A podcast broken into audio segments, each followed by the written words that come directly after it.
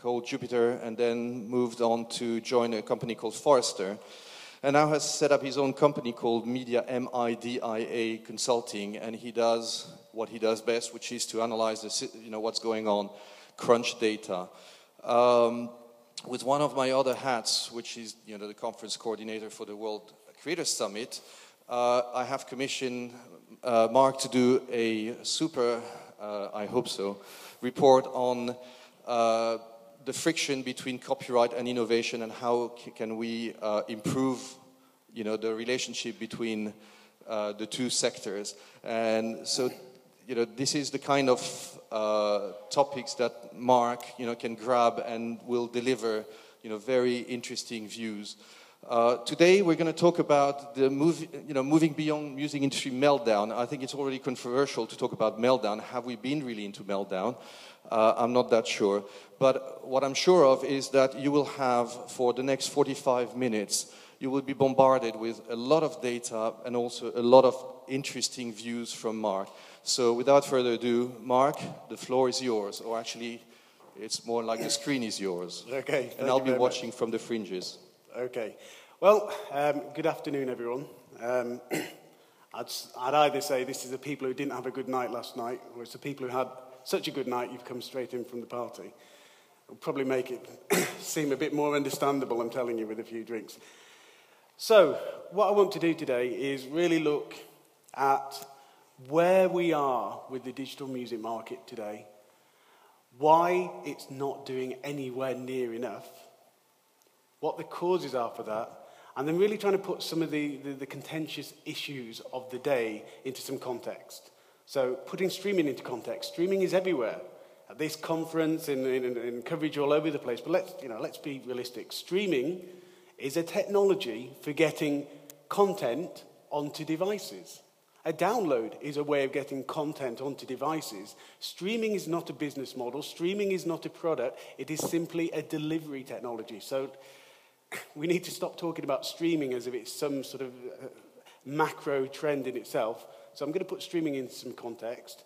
Also, talking about the artist. Finally, 2012 was the year in which artists found their voice.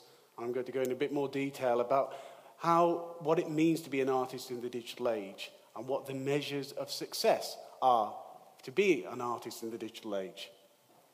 And then finally, some models for the future. How can we get ourselves out of the situation we're currently in? So, to start, this is the Martini-Toren here, which for a while was the tallest building in Europe. Now it's the Shard, or at least the Shard was until a couple of months ago. It's now been surpassed by the Mercury Tower in, in, in, Moscow. So, why am I showing you this? To show you that things change dramatically all the time. Even when something feels so vast, so established, so unmovable, and yet in an instant it can go. The Shard to that in two months. Now, I've been covering this space for the best part of 15 years now. And I was just looking through some of the presentations I've done in the last few years at places like Midem and Popkomm. Um, and I was looking through some of the titles, and one thing really came to mind, which is we have been stuck in a rut for years now. I did the Getting Out of the Digital Music Impasse presentation at Midem three years ago, highlighting how digital growth had stalled that nowhere near enough innovation was taking place. I said, now's the time to make some change, and nothing meaningful has happened outside of some streaming services getting some traction among the niche high end of, of music buyers. And of course, everybody blames each other. Technology companies blame rights owners for not being flexible enough, rights owners blame uh, the technology uh, rights owners blame the technology companies for not having their best interests at heart. Everybody blames the consumer. Well, it's time to stop the blame game because everybody across the digital value chain, without exception, has to shoulder some of the blame. And it's time to start making a change.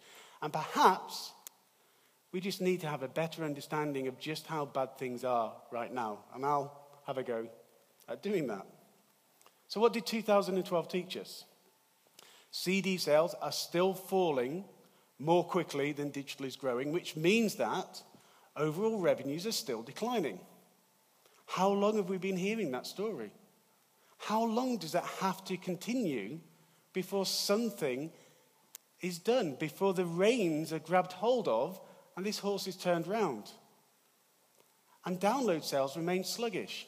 I'll show you some data later on exactly why they've remained sluggish and the moment when download growth fell off the cliff.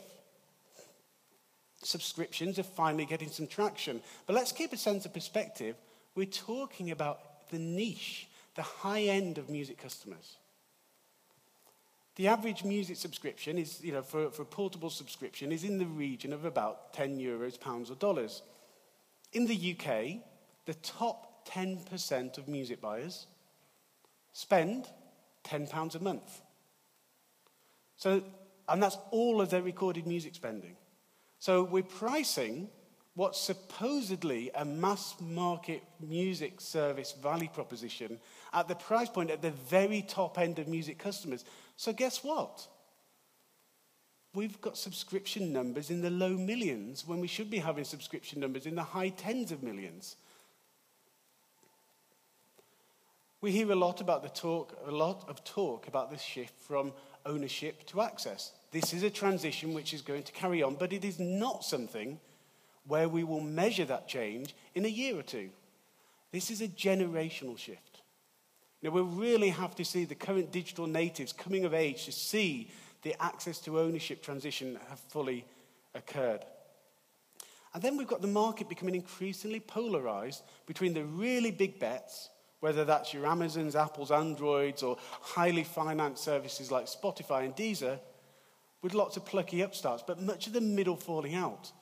Of course, you know, any technology space and digital music space, no exception 10, 8 years ago, it was about big companies and small upstarts, but there was a healthy middle as well. Much of that healthy middle has disappeared from the digital music space. And then there's a positive thing which occurred, which perhaps people don't realize yet the full importance of, and that's the emergence of streaming APIs. And I'll talk a bit more about that later on, but streaming APIs enable companies to bypass entirely having to go to record labels to get licenses. They can sit on top of the licenses of the big streaming services like Spotify and Deezer and focus all of their efforts and energies on building really great user experience. Too much of a digital music innovation to date has been slowed down both economically and from a d- development perspective by having to get licenses secured.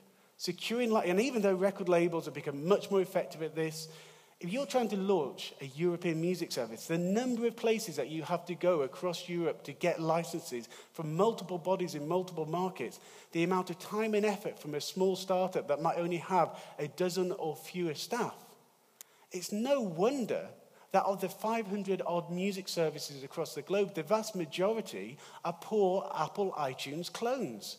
And no wonder that Apple continues to dominate 70, 75% of the market because those poor iTunes clones don't have an iPod, an iPhone, or an iPad attached to them. So, one of the things that the API can do is free up all of the resource, all of the effort, all of the investment money, all of the skill sets of digital music startups just building great music experiences. Now, of course, there's one further issue which investors will get wary of and that is platform dependency. Because what happens when a company has built its entire business on the technology of another company? Now, it's great at the moment. We've got people like the Echo Nest pushing their APIs out all over the place. Spotify getting a nice, healthy amount of uh, applications within its, within its ecosystem. What happens when those companies get sold? Because all of them are VC funded, and VCs want to have their company, their investment, sold within a horizon of normally three to five years. And, what, and normally, the sort of company who will buy them, if they've been at all successful, is a big traditional technology or media company who will have completely different ideas about what they want that company to do when they've acquired it. So it's fantastic that we've got this age of API emerging, but Wait for the backlash also in, say, two years' time, whenever it's the Echo Nest or Spotify, whoever gets bought and suddenly the APIs get closed off and the whole generation of API era services suddenly find themselves without any foundations. So you'll notice what I've just done is I've just sort of picked up a great new trend for you and smashed it straight back down again. So there are four things which I think are key watchwords for digital music over the next few years. Sustainability, and I'm talking here about sustainability in the sense that everybody in the music ecosystem needs to be able to think about a partner, whether that's a label, an artist, or a service, or a rights body, to be you know, someone that they can plan with. And of course, one of the problems with VC funded startups is so many of them, you, it's difficult to plan sustainability. So, fantastic growth from Spotify, but Daniel Ek has been you know, incredibly um, open about the fact that he's focused on growth, not sustainability. He wants to get his service as big as it can. Forget the profit, get it big and sustainable. Uh, get it big. But then what happens about sustainability? What happens if he hits 20 million, but he can only sustain that growth through uh, really expensive customer acquisition? If you look at the 2011 reported numbers for Spotify in Europe and look at the number of registered users versus the number of active users, just doing straight math on that, you'll find out that Spotify acquired 1.9 million new subscribers or new users every month and only kept hold of 400,000 of them. That is a huge amount of churn. Basically, one and a half million people are saying, I don't want your free music. I don't even want your free stuff. So if you can't give away free music to one and a half million people every month, that raises big questions about sustainability.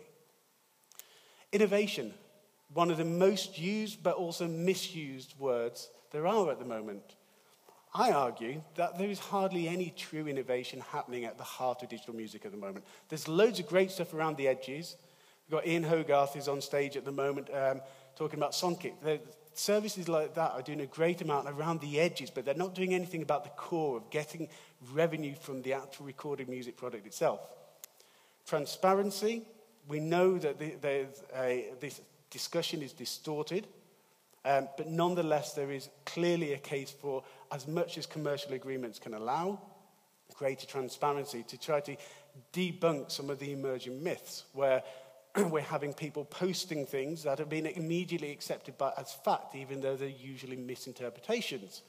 And then finally, experience. I don't mean here the experience of what has gone before, but user experience.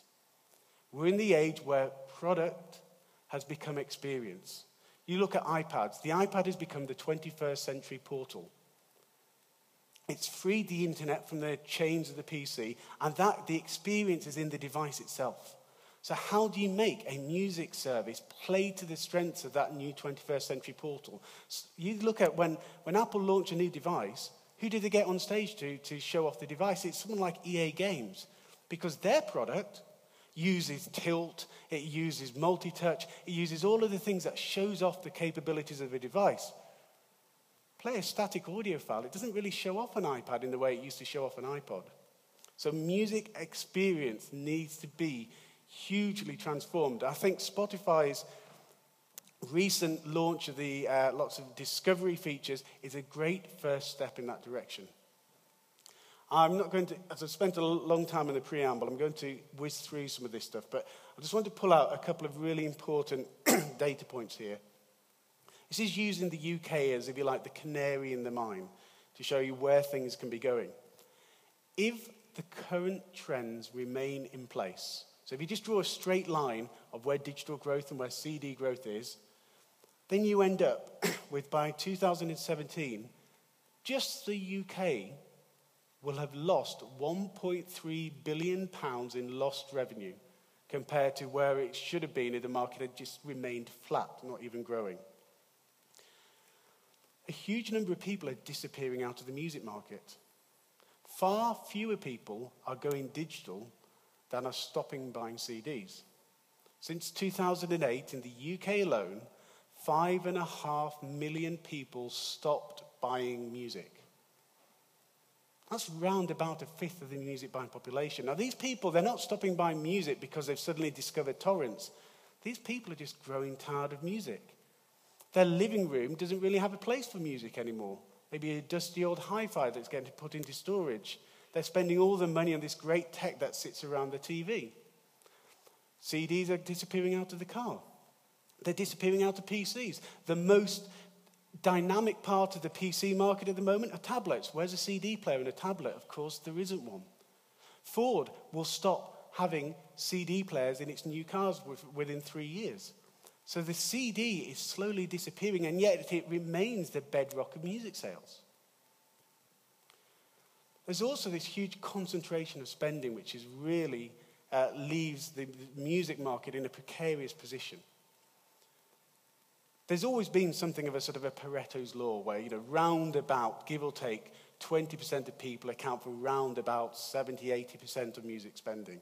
So you've always had a concentration, but this is becoming more concentrated because so many of the passive, less engaged music fans are falling out of the market. So, again, using the UK as, a, as, as an indicator, 10% of music buyers in the UK account for nearly half of all spending. It's a tiny amount of consumers to be relying upon half of your revenue practically to be coming from. And then 60% account for just 18% of spending. So it raises the question is it actually worth trying to hold on to that bottom 60%? If you're having to spend all the money on marketing and product and everything else and signing the sorts of artists which that 60% are going to spend on, and it's less than a fifth of your revenue, isn't there an argument to say, look, let those people disappear and focus all our efforts on the really high value customers and make that 10% into a 20%? Because those bottom 60, they're going to go anyway. They're the people who are becoming the five and a half million who are stopping by music. Now, I mentioned before I was going to show you about when downloads fell off a cliff. It was here, 2008. What happened? it was a slowdown in iPod sales. Up until this point, Apple had been the driving force in digital music growth. Round about 2007, something interesting happened. You started to see a slowdown in the number of new people getting iPods. iPods were still growing, but lots of them now, the majority were replacement sales. And that mattered to the music industry because that meant there were fewer new customers coming in. And I remember presenting to a couple of senior record label people in 2007. I was saying, be prepared. You're about to see download growth slow from iTunes. And they went, no, look, look at these, you know, these fantastic sales still selling really strongly. We're seeing increased average spend and all of these great metrics. I said, it doesn't matter. What matters is out of your control. And that is Apple has reached its ceiling. It's going, and what did Apple do? They did what they needed to do. They launched a new product to get people to go and start getting new customers. Uh, along came the iPhone. And it did a fantastic job of creating new customers, but it took Apple's attention away from music. And we see here how quickly download sales slowed. And so the majority of the growth, which has been happening for a long time in iTunes sales is increased spend per buyer rather than new buyers coming into the market. Now, this wouldn't matter so much if it wasn't for the fact that Apple remains by far the most important share of a digital music market. There is no one else who comes close to Apple's leading share. So, when Apple sneezes, the music industry gets a cold. Now, a lot of people talk about, well, we finally got Google delivering on its sleeping giant promise. We've seen the massive growth of Android devices, and we are. But for all the criticism of Apple being closed and controlling, that closed nature of the Apple ecosystem is what has enabled it to be so successful. You look at all of the success stories of paid content to date iTunes, Kindle, Xbox, Wii, PlayStation, they are closed ecosystems with complete control. Android pointedly tried to be an antidote to close. It's not truly open, but it's semi open. But that lack of control has fragmented the market heavily. And I won't go through all of the numbers here, but I think some of the headline ones which are important is the average um, Apple user, they've only got one place to go and get their apps from, and they know it works. An Android user, well, there are 50 plus official Android stores across the globe. And it is normal that an Android device has at least two or three of them pre installed. So, where does the consumer go? But and remember, more important, we're talking about trying to get the next wave of digital customers in. The next wave inherently are not the early adopters, they're the less sophisticated ones, the ones who need an even simpler user journey than Apple, not a more complicated one. They need their hands holding, and they do not need to have three different choices of where to go with three different logon IDs, three different billing accounts, and no interaction between those services, even on the device which they're all pre installed on. We've got another problem as well with, with Android, which is we're seeing a huge number of devices being sold, but people are buying them not because they are smartphones but because they're on a good price plan. It's what they've been sold when they walk into the shop. So we're ending up with a dynamic of smartphones with dumb users, people who don't even use them as smartphones. So what you've got is Android is the most complex solution for the least sophisticated consumers. That does not spell success. And we only need to look at the average music spend per device to see how little Android is yet contributing to the digital music market. So I'll quickly walk through some of the streaming numbers. This, you know, we, have got two great heavyweights in streaming, fantastic. They're bringing a lot of, of momentum. Do not want to belittle the vast achievement that they've had in finally getting the subscription model off the ground. Back in my days in Jupiter Research, me and my colleagues were forecasting back in 2001, we were talking about the future digital music is going to be subscriptions.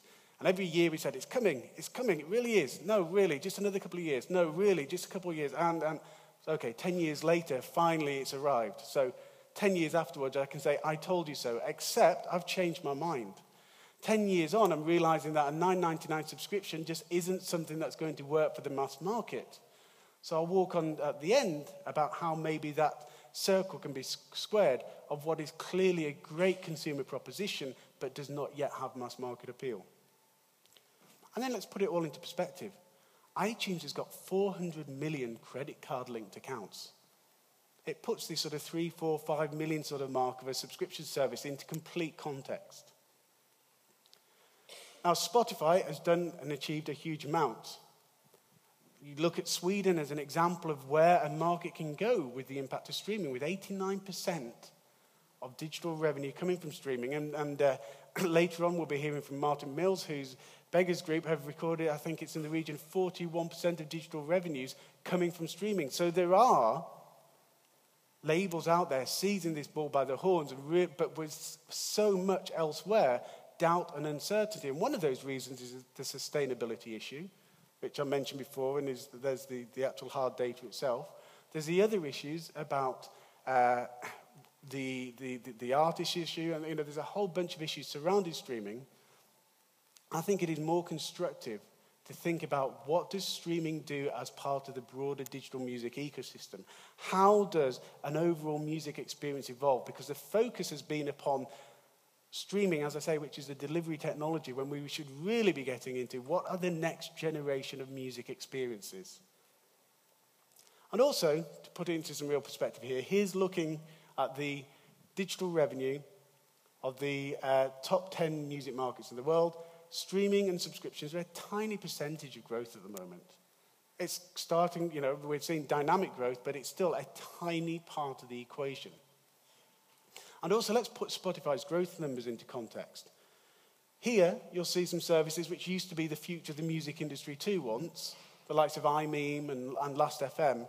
These numbers are plotting the growth of total users from month zero of, of, of launch uh, and, and, and on. And so what you see is that Spotify, its total user growth, it's, it's okay, but it's only on a par with where it should be. And in fact, shouldn't it be outperforming Because services like imeem and Last FM, I mean, we're talking about growth from five, six, seven years ago.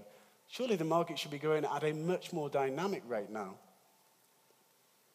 So, what about the artist? Well, I'll let your mind melt with this array of bubbles and data, but just to sort of help navigate you through it, what we're looking at here is the horizontal axis shows the amount of YouTube views of an artist.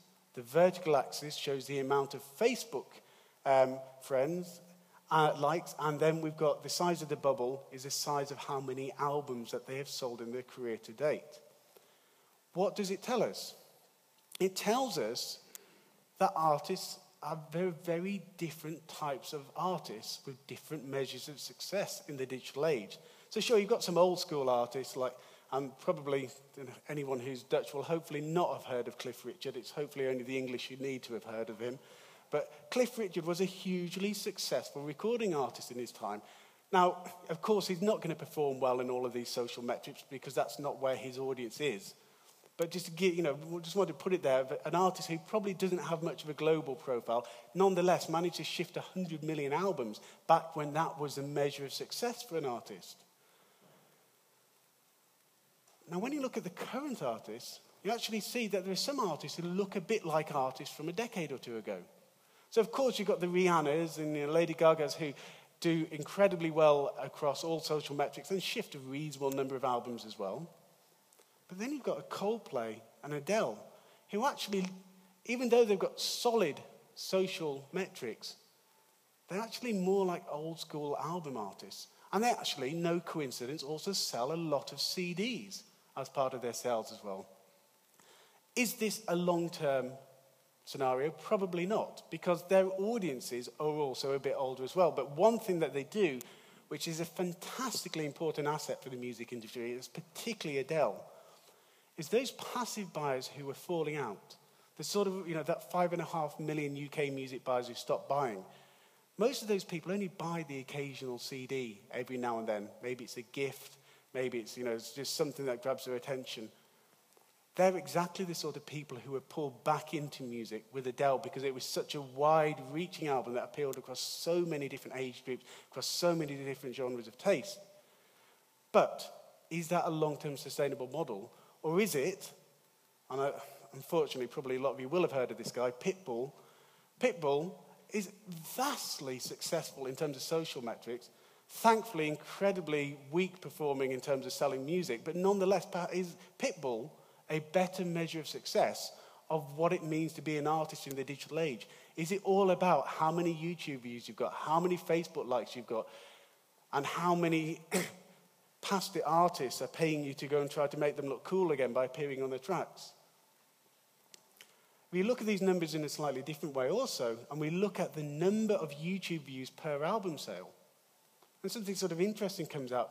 The 1990 album artist, so again, you know, this we have to caveat these numbers with the fact that there are simply not as many people interested in Guns N' Roses now as there were when Guns N' Roses were in the prime. So, of course, they're going to have smaller YouTube views. But nonetheless, you see this very clear trend, which is digital age artists just do not sell as much music in relation to how well they perform in, across platforms like YouTube.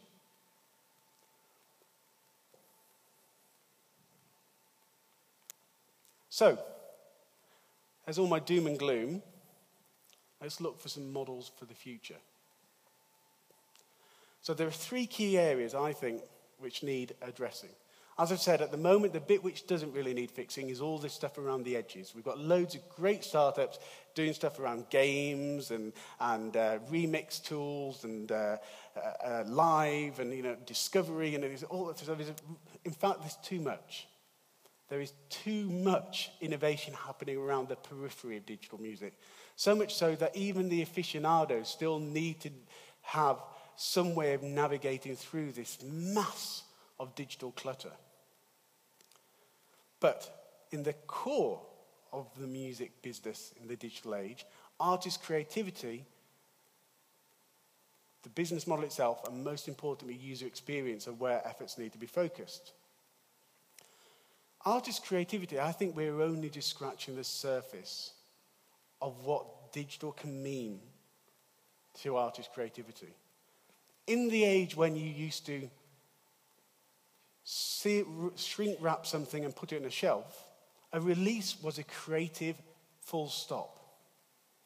In the digital age, there is no need for a release to remain exactly what it was the first time it got uploaded onto iTunes. There is no reason why that can't evolve, particularly when a fan and an artist interact directly via direct to fan channels rather than via some of the big retail channels. So there is no reason at all why the whole concept of what a, a, a, an album, if such a thing is going to exist, or an artist release, or whatever that may look like, shouldn't change and evolve all the time. Imagine it's a, a, a concept where you have an iPad app. That is your artist's favorite release. They've given you in January, and they said, You pay us a chunk of money now. Everything that we do over the next year or two, we're going to pump it directly to, your, to, this, to this app. Some of the things, we're going to change them, by the way.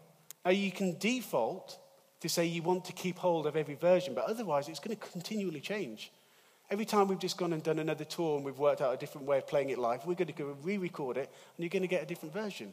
And I tell you what, why don't you give us some ideas about what it should sound like too? I think we've got artists can pull upon their fans in a much more direct way. I mean, in the, in the analog era, the conversation between a fan and the artist was a photocopied newsletter or, um, or at a concert. But nowadays, there's so much dynamic interaction. Of course, not all fans are really heavily engaged. And that's why we've got what I call the three C's of fan fueled creativity. At one end, the people who don't really want to get involved in fan forum discussions or whatever else, but people do want to have a customized experience. The success of smartphones and tablets is all about a customized experience. We're living, the words of DJ Spooky, in the, the age of mass media customization. In the age where we don't need to have to have content delivered to us in exactly the way that it's been sent to everyone else. We can choose what it feels like how it looks, what we see, what we don't see. We have some fans who want to create, whether that's through remix apps, whether it's um, you know, someone uh, like Imogen Heap who actually gets her fans to go and contribute sounds and to uh, sit in on a webcam on, on writing sessions. Um, you know, so you go through this whole um, swathe of different le- levels of interaction of fans and artists.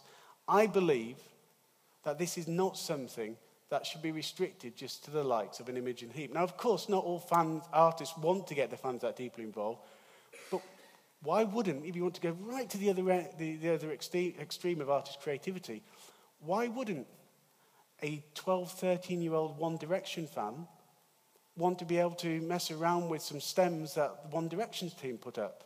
Or play a game where they create a remix?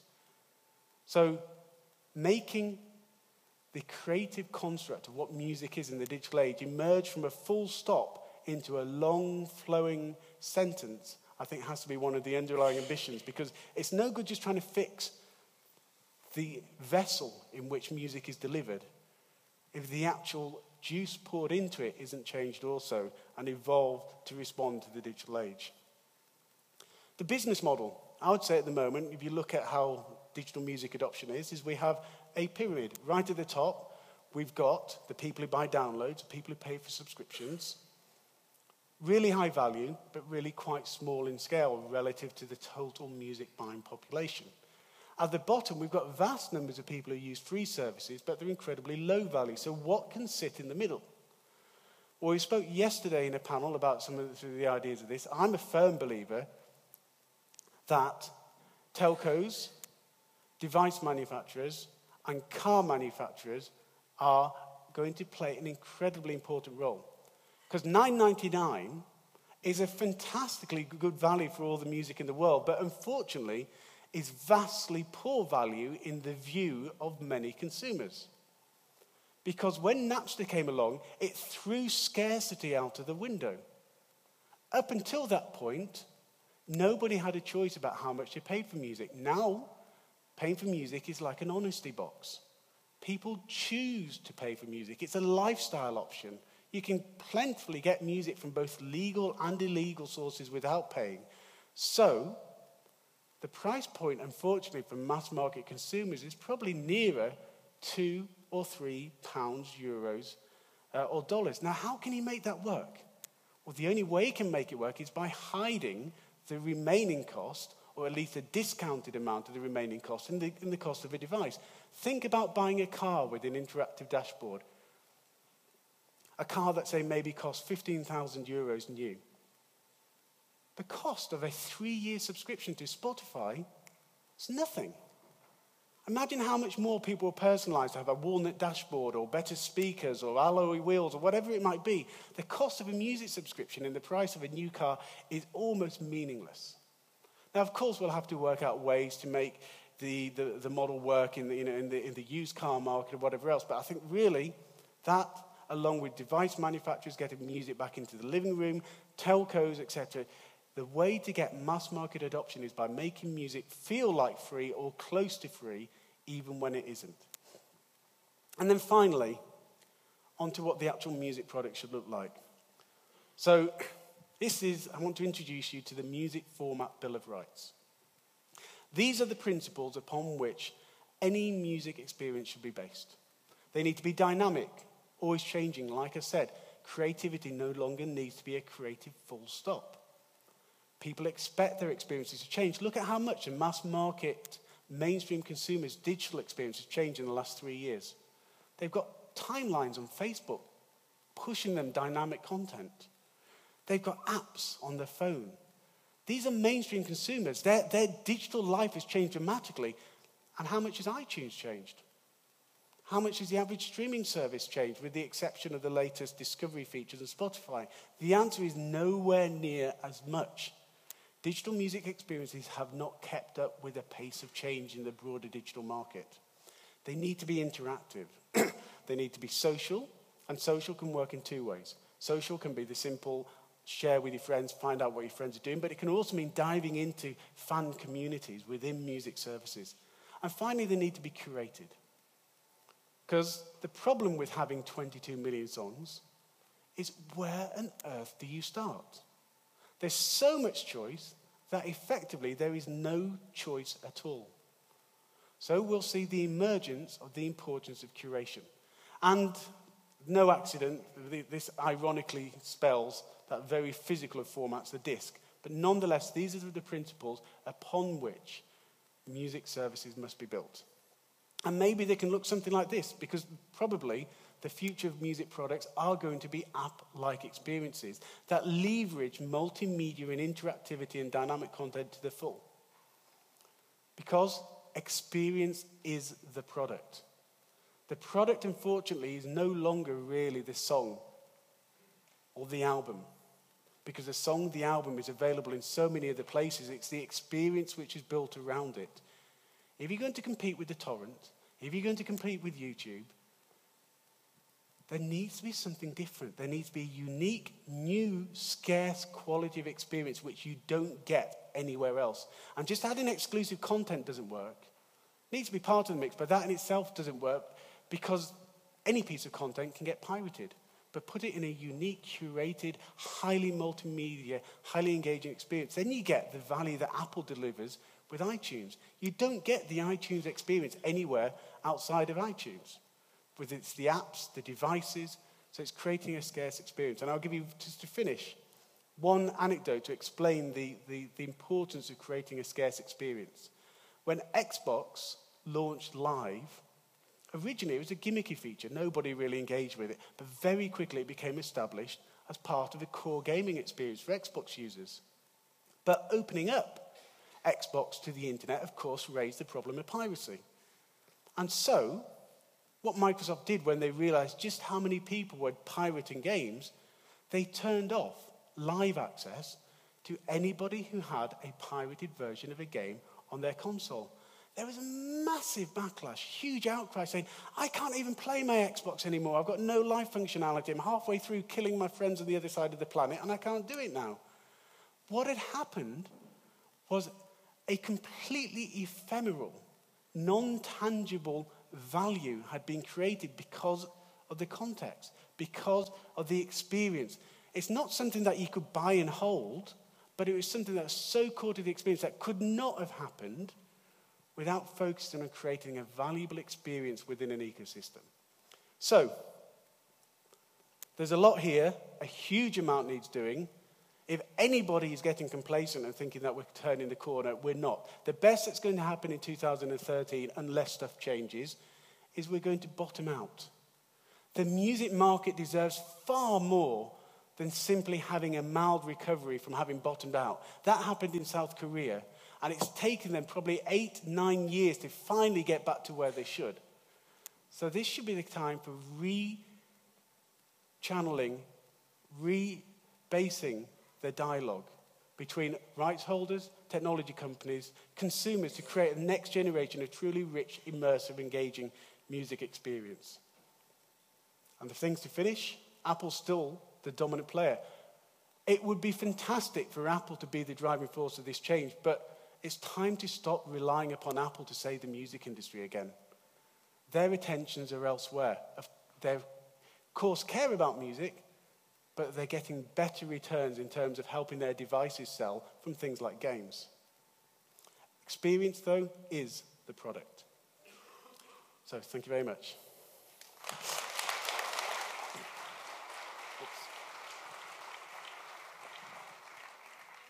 Does it work? You've been stepping on your name yeah. quite a few times, so I don't know. There must be a metaphor in that. So uh, we're going to play the shrink for a few minutes. You know, I don't know who you're, if you're going to be the shrink or I am. Uh, thank you very much for this presentation.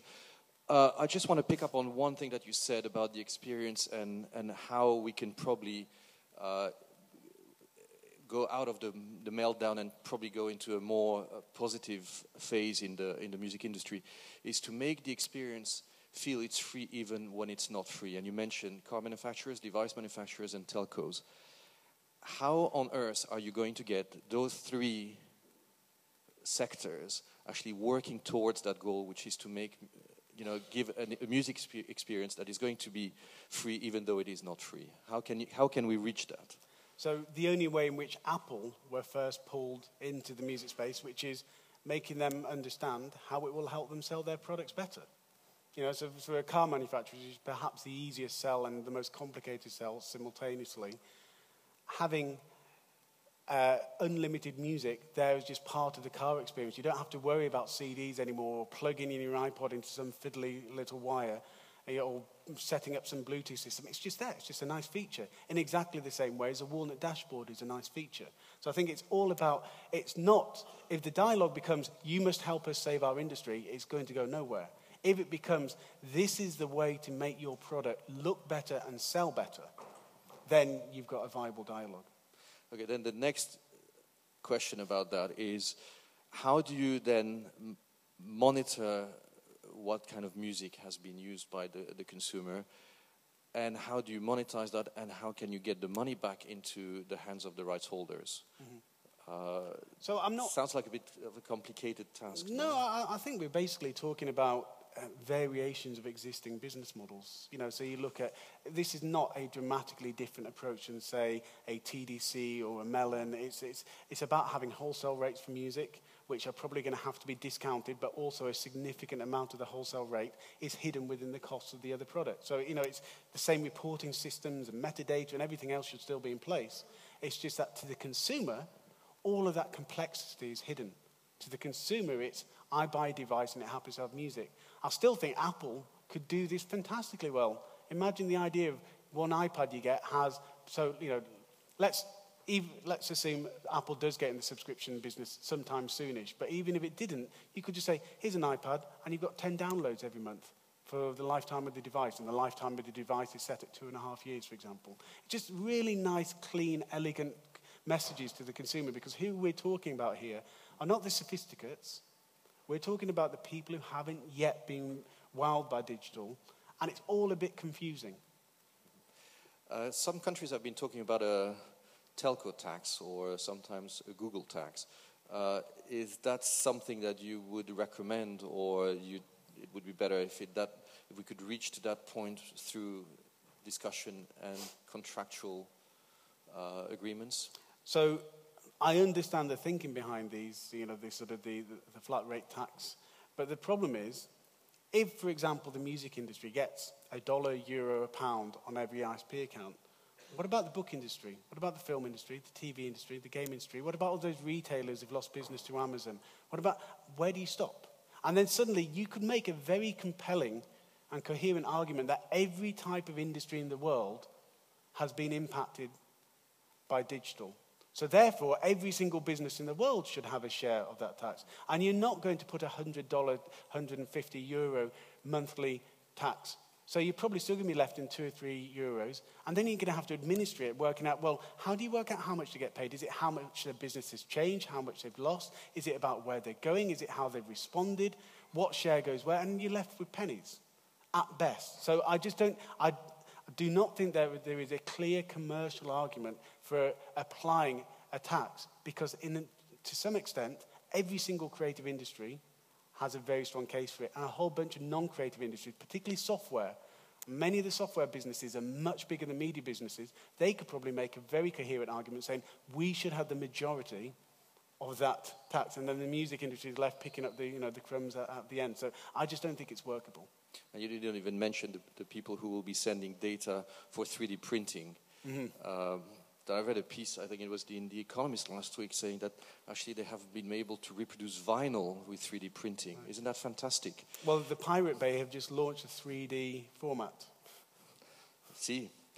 Um, we have about 10 minutes left, I think. Uh, yes. uh, are there any questions in the audience? And is there a microphone, by the way, for the audience? Yes? Question over there? No? No? No question? Peter Jenner has a question. Peter Jenner has a question.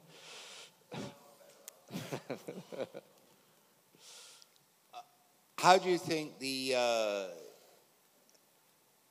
let me put this another way.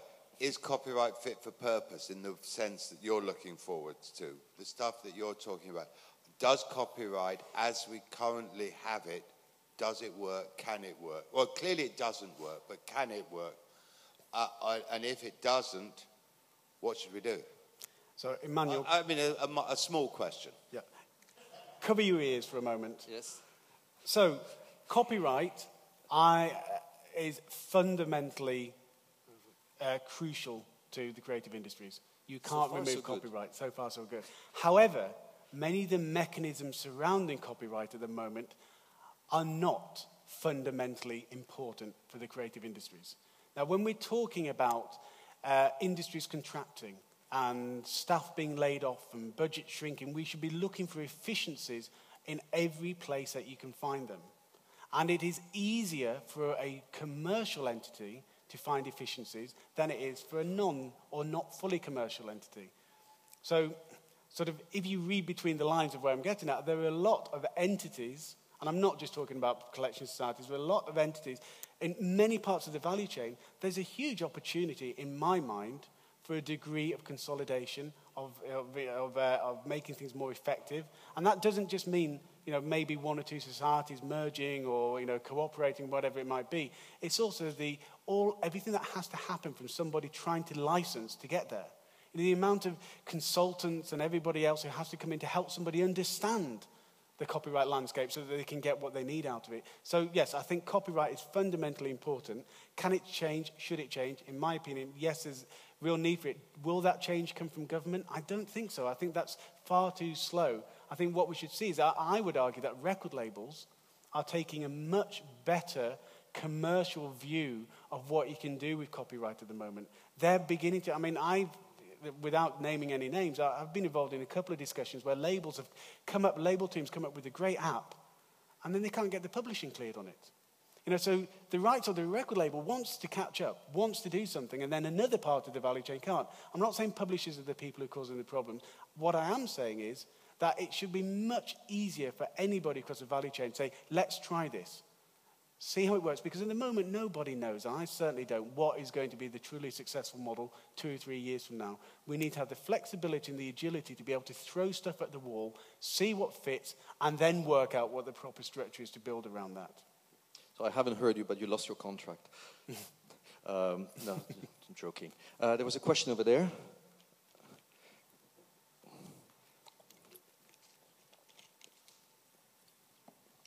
Hi, my name is Raymond Kalis. Um, I have a question. Shouldn't the music industry go, go cold turkey on the CD, although it's still making a lot of revenue, but in order to spike uh, the increase of alternative ways to consume music? Yeah, you, you use a really interesting analogy because I mean the the CD is effectively the, the, the music industry's heroin. You know, it's, it's the dirty habit it can't kick. And, you know, and yes, if, if it was for, if the CD was declining more quickly, then it would be forcing a degree of change of pace that isn't there at the moment. And so what you have is a, you, you look at uh, many record labels, by no degree all of them, but, you know, many record labels, everything is still organized around a, a, traditional album release, whether it's a marketing cycle, the budget allocation, and it's because the CD is still going to be the majority of where, for mo- so many artists, where the majority of revenues are going to come from. So it's incredibly difficult to try to transition to a business of the future when you're stuck servicing the business of yesterday. Um, the exact share, is something like uh, 65, 70% of music industry revenue across the world's 10 largest markets still comes from the CD. You know, so the US, sure, they're crossing over the 50% mark, but the majority of markets are nowhere near there. So on the one hand, yes, it would make so much strategic sense to say goodbye to the CD, but can anybody afford to say, let's kill off 70% of our revenue? So I'll answer your question with a question. Uh, as a follow-up to that question, you, we mentioned a lot Sweden because of the Spotify effect, but it seems to me that there's a country that you know is showing a lot of uh, of interest because it's really into the or into the future, which is South Korea. Basically, they made the jump from you know no CDs to all things digital, uh, especially through mobile applications.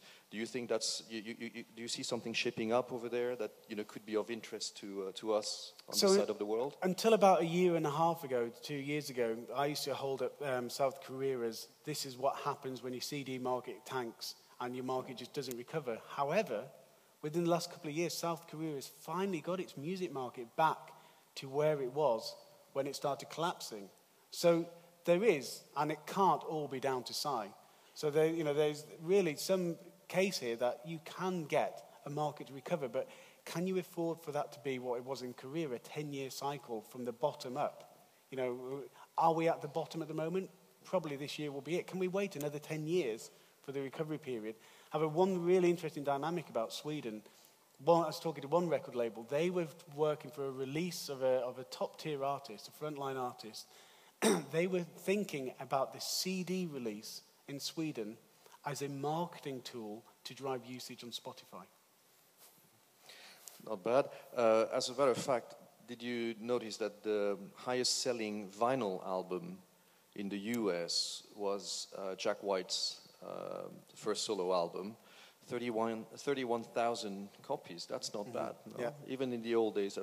And the year before, and that was the staggering thing, Abbey Road sold 41,000 copies in vinyl in the US.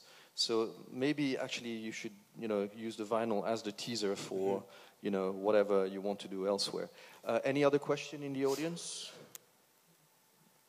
No, no questions. Well, I think we're going to end up the, uh, the, the, shrink session. Uh, if you want to continue to discuss those issues, we have the keynote speech, uh, keynote Q&A with Martin Mills in about half an hour. Meanwhile, I would like to thank Mark Mulligan for his fantastic presentation that I think will be available at some point through the. So don't forget to uh, tag yourself up there. And so thank you very much to the audience, and thank you very much to Mark Mulligan. Thank you. Thank you. And by the way, Mark has